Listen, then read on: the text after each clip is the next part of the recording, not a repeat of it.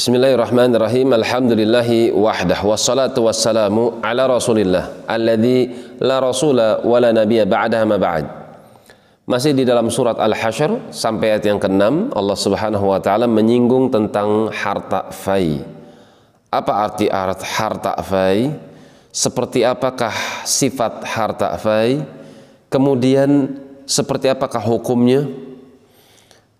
Allah sebutkan di sini wama Allahu ala rasulil ala dan segala sesuatu daripada harta fai yang Allah berikan kepada rasulnya. Minhum. Yang harta fai ini diambil dari mereka.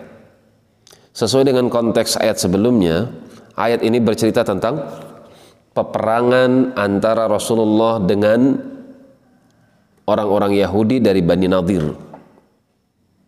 Ketika Rasulullah SAW memerangi mereka, ternyata mereka sudah meninggalkan kampungnya. Meninggalkan kampungnya dan juga meninggalkan harta bendanya. Maka harta benda tersebut yang ditinggalkan oleh orang-orang kafir disebut dengan harta fai. Fama awjaftum alaih min khailin yang kalian tidak susah payah dengan mengumpulkan pasukan berkuda untuk mengambilnya. Wala rikab dan juga pasukan berunta. Kalian tidak perlu mengambil harta tersebut dengan repot-repot melalui pasukan berkuda atau unta. Akan tapi walakin Allah yusallitu rusulahu ala man yasha. Akan tetapi Allah lah yang menjadikan musuh-musuh para rasulnya menjadi tunduk ala man yasha sesuai dengan apa yang Allah kehendaki. Ketika mereka berhadapan dengan Rasulullah sallallahu alaihi wasallam maka Rasul belum sampai kepada kampung mereka akan tapi hati mereka sudah diliputi oleh rasa takut.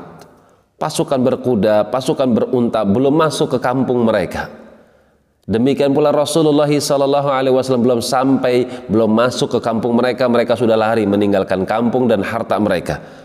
Maka harta yang diambil dari orang-orang kafir tanpa ada proses peperangan sebelumnya disebut dengan harta fai.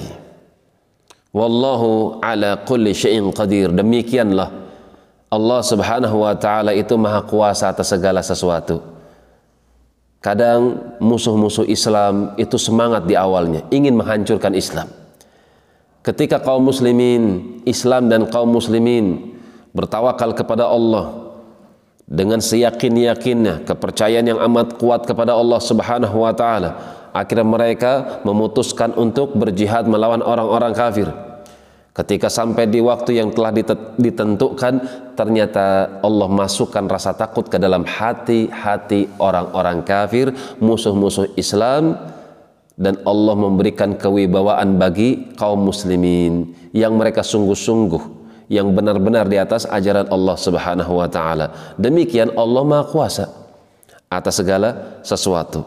Yang menjadi titik permasalahan apakah kaum muslimin mau kembali kepada Islam yang sebenarnya?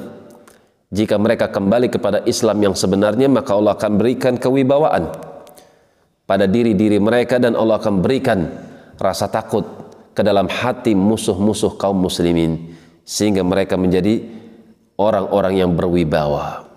Demikian wallahu taala a'lam bissawab. Subhanakallahumma rabbana wa bihamdika asyhadu an la ilaha illa anta astaghfiruka wa atubu ilaik تفاضلوا بارك الله فيكم.